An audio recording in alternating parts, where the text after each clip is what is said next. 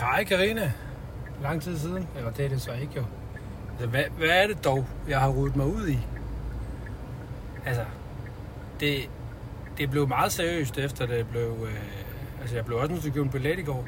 Jo, altså, fordi når man siger noget, man skal gøre, så må man gøre det. Så derfor sidder jeg også i min bil, eller Narnia, whatever, øh, parkerer den lidt ulovligt. Og så tænker jeg jo, at, øh, at jeg skulle...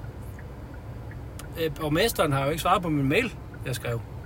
Og så, øh, jeg ved ikke, hvornår de har fri, men jeg tænker, de går vel hjem kl. 16. Og der var sådan et nummer, man bare lige kunne finde. Så jeg havde overvejet, at man bare skulle ringe. Øh, for at lige høre ad. Nu når han ikke har svaret. Øh, han er jo sådan den, den billigste voksne, kan man sige. Altså, det kan godt være, at der er nogen, der er billigere.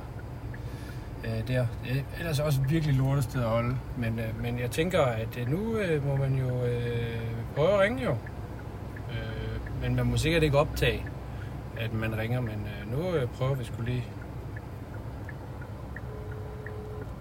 Hov, nu kører den på bilen.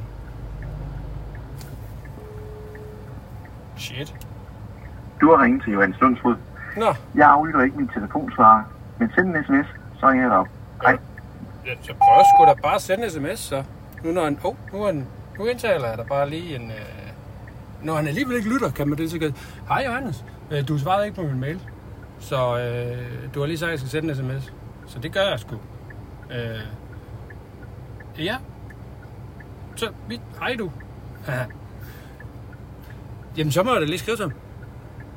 Øh, det må, jeg må lige køre hjem, så. Og så se.